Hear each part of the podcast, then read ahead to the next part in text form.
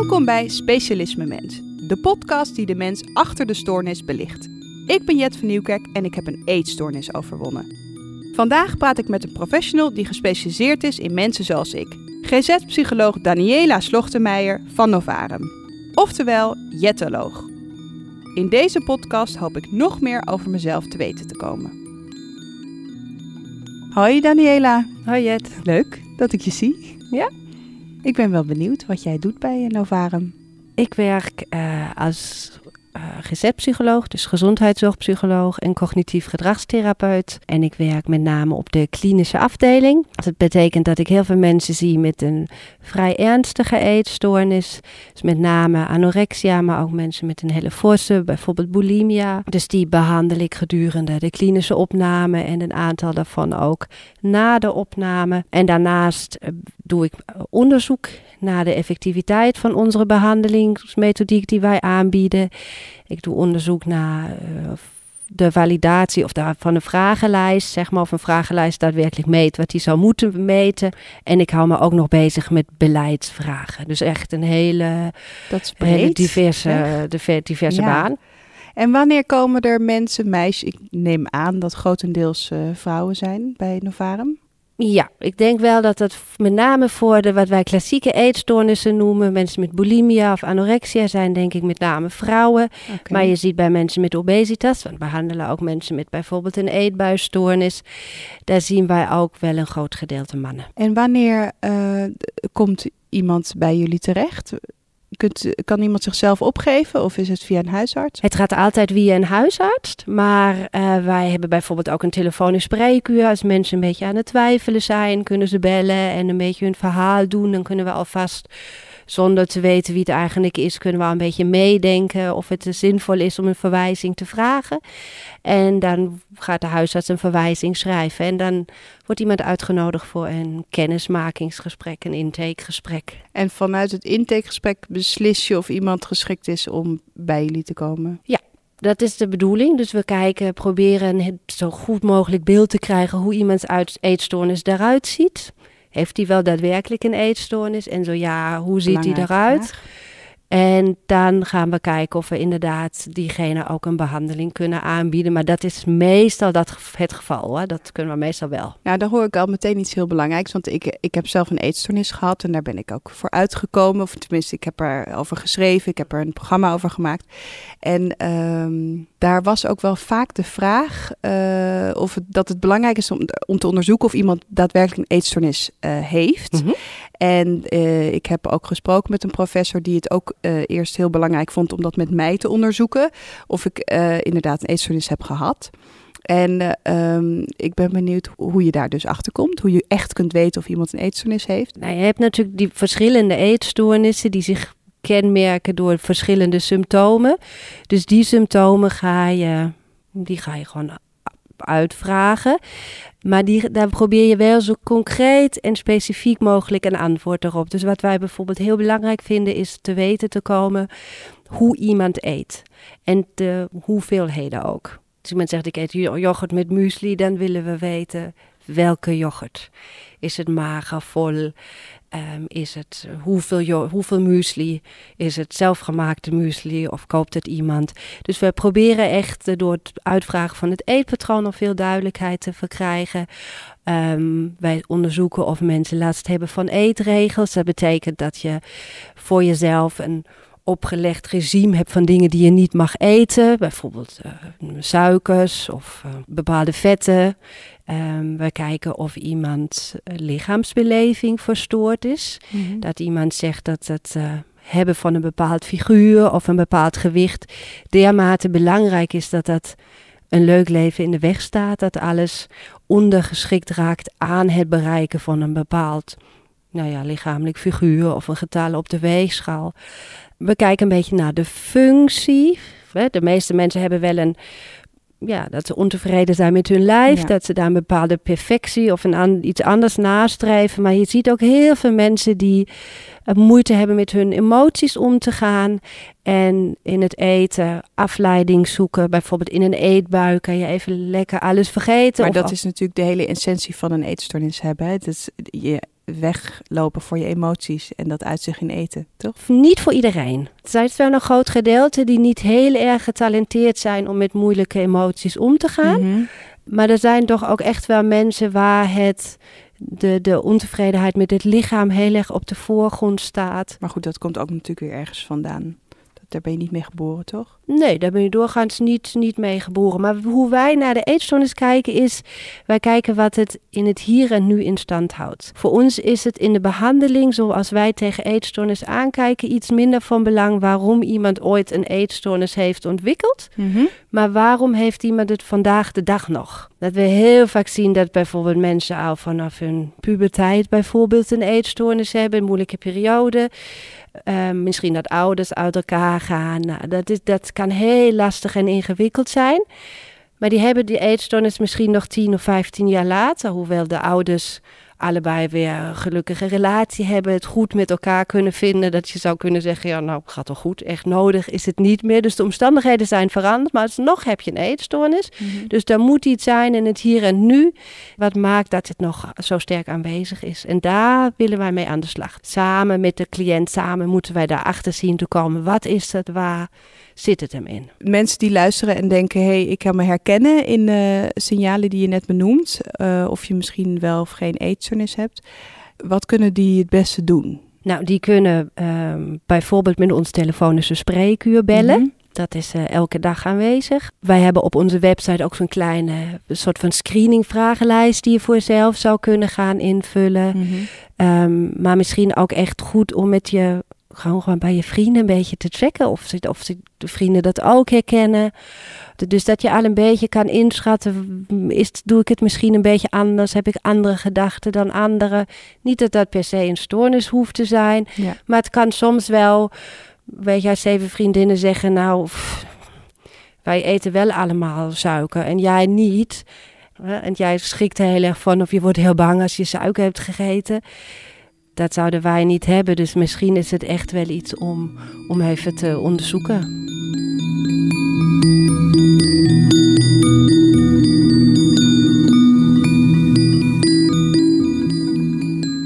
Maar hoe zit het nu eigenlijk met jouw eetstoornis? Nou, die is er niet meer. Oh, wat goed. Dat is heel fijn. Echt al, uh, al uh, ontzettend lang, al jaren.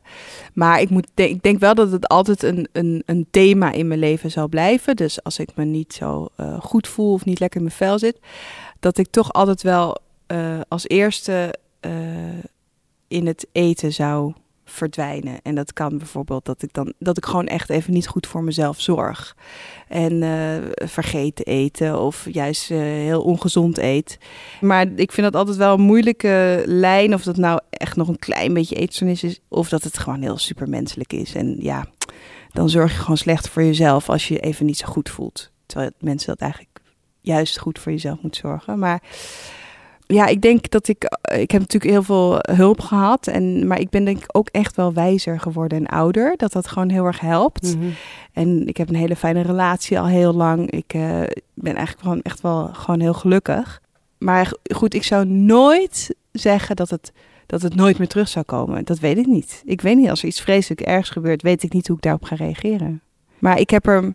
Het zit me al jaren niet meer in de weg. Ik heb er nooit last van. Ik, heb er niet, ik lig er niet wakker van. Ik, maar goed, ik, ik leef wel heel bewust. Ik, ik vind het heel belangrijk om gezond te leven. En ik vind het belangrijk om te sporten.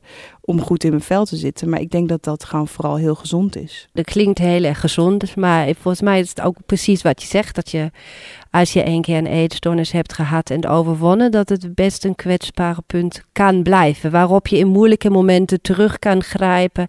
Ja. En dan moet je ook echt heel erg alert zijn. Dat heb ik ook heel erg geleerd. Om dat dus te signaleren als je, als je dus niet goed in je vel zit. denk je, oh ja, shit, nu moet ik even extra goed opletten. Dat ik goed voor mezelf blijf zorgen. En dat ik niet in het eten kan uh, verdwijnen, bijvoorbeeld. Maar um, ik heb ook nooit echt gedacht van, ik wil er dat, dat, zelfs dat stukje, daar moet ik echt van af. Dat wil ik echt niet meer. Ik, moet er he, ik wil het nooit meer hebben. Ja, het is zoals het is. En om nu, ik zou, weet je, ik zou echt best wel misschien nog eens een paar therapie-sessies kunnen doen. om het misschien helemaal af te sluiten of zo. Maar aan de andere kant weet ik ook niet of dat kan. Maar ik zit me niet in de weg. Als je vergelijkt een dag in je leven nu met een dag in je leven toen je in de eetstoornis zat. Ja, maar dat is, dat is, dat is dat is niet te vergelijken.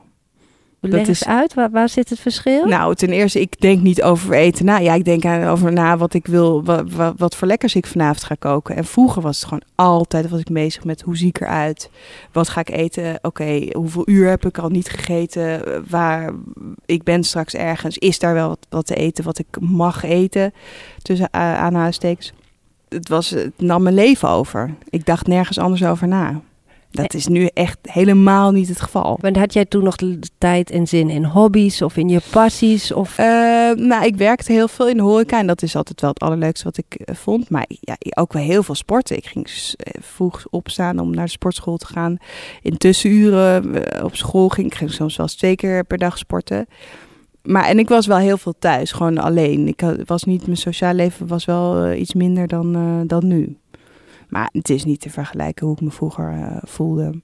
En ik vind het soms ook echt wel heel moeilijk om meisjes, nou, bijvoorbeeld van 16 jaar, nu in deze tijd te zien uh, die zo onzeker zijn en uh, gevoelig zijn, bijvoorbeeld voor social media en al die plaatjes. Oh man, het lijkt me zo vreselijk heftig om in deze tijd 16 te zijn. Voor mij was zou het vreselijk geweest zijn, want ik, ik, ik ben er allemaal gevoelig voor, voor dat soort dingen. Dus daar ben ik wel blij mee. Maar ik maak me dus wel zorgen om, uh, om meisjes en jongens die, uh, die zo jong zijn. Dat herken ik wel, maar ik, ik vind het wel heel fijn van jou om te horen dat je leven zo anders is. Ja. Zonder eetstoornis, omdat dat ook echt een van de dingen is die, die je zal behoeden voor een terugval. Of dat, nou, niet met 100% zekerheid, maar dat is, er zit heel veel potentie in um, om terugval te voorkomen. Omdat als jij invulling hebt voor je dag, anders dan calorieën tellen of inderdaad wat jij net noemde, twee keer per dag sporten en kijken wanneer mag ik wat eten. Maar dat je leuke dingen doet, dat je plezier hebt en dat je je passies en je hobby's nagaat. Als dat er weer kan komen in het leven. En um, ja, dan heb je echt een stevige dijk gebouwd, zeg maar, tegen een terugval. Omdat jij dan echt ook hebt ervaren van welk leven vind ik eigenlijk leuker? Dat van het uh, sporten en calorieën tellen? Of vind ik het eigenlijk leuker om lekker los te gaan en, en mijn passies uh, ja. te volgen? Dus dat is denk ik een hele, hele, hele goede beschermende factor die je hebt weten op te bouwen. En dat is ook echt een van de onderdelen in onze behandeling werken aan de oude of nieuwe hobby's. De sociale contacten, mensen erbij betrekken uit die eenzaamheid. Niet alles in je eentje te moeten doen. Ik vind het ook wel heel fijn om dus te laten zien dat je er overheen kunt uh, komen. Dat is altijd, vinden mensen volgens mij ook wel prettig die mij dan schrijven. Ik kan ze echt overtuigen dat het niet altijd zo hoeft te blijven. Nou, dit is mooi. Ik heb toevallig gisteren iemand gezien. Een vrouw van halverwege de 30, die heeft sinds de zeventiende een eetstoornis. Heeft hele ernstige anorexia met echt gevaarlijk, ook gevaarlijk laag in gewicht met ziekenhuisopnames en dergelijke die is dan ook herhaaldelijk bij ons in behandeling geweest. Dus dat moet je ook weten als je één keer in behandeling gaat. Dat wil niet zeggen dat je het meteen voor goed vanaf bent. Mensen vallen wel vaker terug. Ja. Maar ik zag haar gisteren en ik zag een mens die stralend voor me zat. Die, die plezier had in werken, in uitgaan, in vrienden maken die hobby's had, die, die op die moest de afspraak afzeggen omdat ze liever een weekendje, wat lang weekendje naar Spanje wilde. Dan denk ik natuurlijk alleen maar, ja, dat is hartstikke goed. Ja, Hè? ja. En dat is zo mooi om te zien. En dat is een soort beloning ook. De cliënten werken natuurlijk het allerhardst, maar wij werken ook hard. En wij zien niet altijd na verloop van tijd hoe het gaat. We hebben wel met ieder cliënt die bij ons een behandeling heeft afgerond na 20 weken nog weer contact. Maar dit was zo fantastisch om te zien, want zij durfde niet naar de kapper alleen. Ze durfde niet, ze had nul vrienden. En dan zit ze er stralend voor me en gaat stappen en gaat daten. En nou, dit, dat is echt, dat vind ik echt heel erg leuk.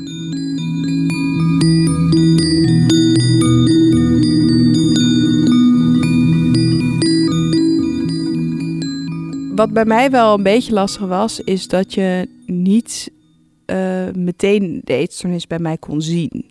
En daarmee uh, bedoel ik dat ik was niet graadmager. Ik was niet fel over been. Als je mij niet kende, dan was ik gewoon een hele sportieve, slanke vrouw.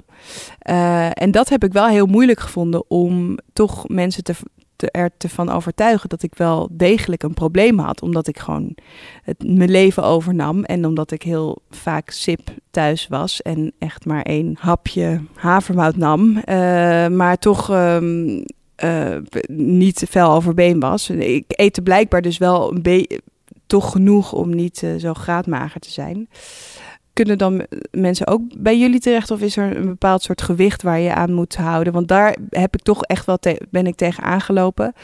Om de juiste behandeling te krijgen. Omdat het toch meer als een soort van fase werd gezien. Of ach, Jet is een beetje onzeker. Die zit gewoon in een sportregime. Of, of om mensen in mijn omgeving ervan overtuigen dat ik echt wel echt, echt vreselijk in de put zat met mezelf. Maar wat jij zegt, dat horen we wel heel vaak. Dat is heel ingewikkeld voor mensen dat als je de, de stoornis niet ziet. Ja. Hè, want je ziet in de media, zie je vooral die mensen met anorexia en dan ook vaak die heel erg super extreme voorbeelden. Of je ziet mensen met fors overgewicht, daaraan kan je het ook zien. Maar ik denk dat het grootste gedeelte van de cliënten bij Novarum, daar zie je het niet. Ja, ja. Qua gewicht, qua uiterlijk, dat zie je gewoon niet. Als je zo iemand op straat zou tegenkomen, zou je denken, oh, leuke meid of leuke jongen. En zou nooit denken dat daar iets met de eet, dat iemand een eetstoornis heeft. Dus je moet mensen heel veel uitleggen je omgeving. En dat hoort ook, doen wij ook in onze behandeling. Dus neem vooral bij de intake of later gedurende de behandeling je, je vrienden mee of je familieleden mee. Ja, het is ook moeilijk hoor, want het lag ook deels bij mezelf. Want ik was natuurlijk ook vreselijk in de ontkenning. En yo, ik wil graag uh, lekker strak eruit zien en ik ben gezond bezig, weet je. Dus het was, en later kwam pas dat ik dacht, nee, ik heb wel echt heel erg een probleem en nu moet ik het gaan vertellen. Dus het is, ik, kan me ook heel goed voorstellen dat de omgeving eerst denkt, nou, dat, die laten we maar even, dat uh, gaat allemaal wel prima. Maar daarna wordt het wel echt heel lastig als je, als je daarna, als je er echt, ja, ik heb er tien jaar over gedaan om echt zo te voelen zoals ik nu voel. Ja.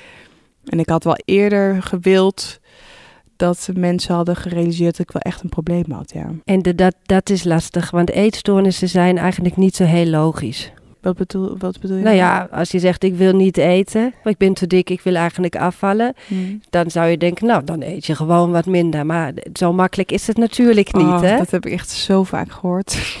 Dus dat is, dat is gewoon, als je het logisch benadert, dan krijg je dergelijke adviezen. Ik zeg ook wel eens dat het, het is een beetje, als je bang bent voor spinnen, hier in Nederland, dan kan je ook zeggen, je hoeft echt niet bang te zijn. Je stapt erop, beest is dood en ze zijn niet dodelijk. Maar voor iemand met een eetstoornis is bijvoorbeeld dat, klin dat kliniekregime met zes eetmomenten per dag is alsof je met een spin moet knuffelen, zes keer per dag. En als je het zeg maar met een, met een beeldspraak of zo, met een vergelijking geeft aan de omgeving, dan snappen ze het een beetje beter. Dus het vraagt om ontzettend veel uitleg. En het vraagt denk ik ook om mm, niet te veel begrip verwachten.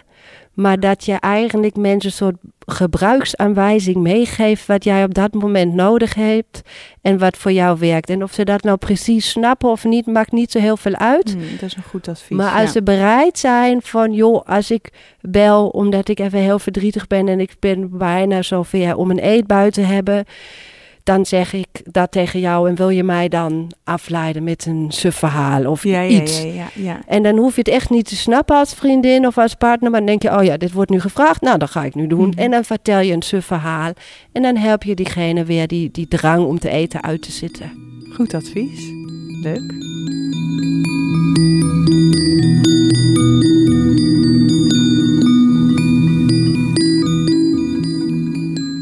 Misschien een beetje een gekke vraag, maar is er iets wat je mist aan je eetstoornis? Oh, wauw. Ehm, nou, ik was een stuk dunner. dus uh, dat is wel. Uh, maar goed, dat is niet. En soms denken we, oh, ik had echt zo'n strakke buik toen. Waarom genoot ik er niet van of zo? Ik ben nu ook helemaal niet dik, maar dat is wel iets dat, waar ik soms denk, Jezus, wat, dat ik daar niet gewoon uh, iets van. Dat ik daar meer van heb genoten. Of dat ik dat niet vaker heb laten zien. Of dat. Uh, maar hoe ik me voelde helemaal niet. Maar ja, soms wel. Ik denk wel mijn lijf of zo. Maar blijkbaar is het er niet meer waard om... Nee, echt voor geen goud. Nee. En ik hoorde je eerder iets zeggen. Ja, soms als het niet zo goed gaat of als ik me niet zo lekker voel, dan moet ik wel een beetje opletten. Dan eet ik ook nog wel eens iets ongezonds. Ik weet gewoon dat ik niet... Ja, hoe zou ik dat... Moet ik even natuurlijk goed uitleggen voordat... Uh allemaal mensen daar dingen van gaan denken. Want ongezond bestaat niet, dat weet ik. Ik ben heel blij Ehm, dat jij dat zegt, ja. Ja, nee, echt absoluut. Maar ehm, ik weet gewoon dat ik mezelf geen plezier doe dat ik als ik een hele week eh, afhaal, haal en eh, niet gezond voor mezelf kook en eh, ontbijt oversla. Weet je, dan kan ik, ik kan mezelf dan echt verwaarlozen. Daar moet ik goed op letten. Nee, dat, ik vind het wel heel goed dat je dat zo nuanceert. Omdat dat is nou ook juist wat heel veel mensen hebben met een eetstoornis. En misschien dat jij dat van je oude periode ook herkent, dat het zo zwart-wit is. Ja, heel En erg. dit is ongezond en je mag nooit ongezond eten. En ik denk dan altijd, nou alles wat in de voedselafdeling van de supermarkt is, is veilig genoeg om te eten. Ja. En een broccoli, als je daar 4 kilo van eet, dan is het ook niet gezond. Dus het gaat ook om de mate. Dus wel fijn om te horen dat je dan zegt, niet een hele week afhaal. Ja. Maar dan denk ik misschien één keer in de week of zo, ja. dan is niet meteen een man overboord. Ja, precies. Ja. Oké, heel fijn. Dit was Specialisme Mens. Ben jij ook een GZ-professional die de mens achter de stoornis ziet? Solliciteer dan meteen bij Arkin op werken bij arkin.nl.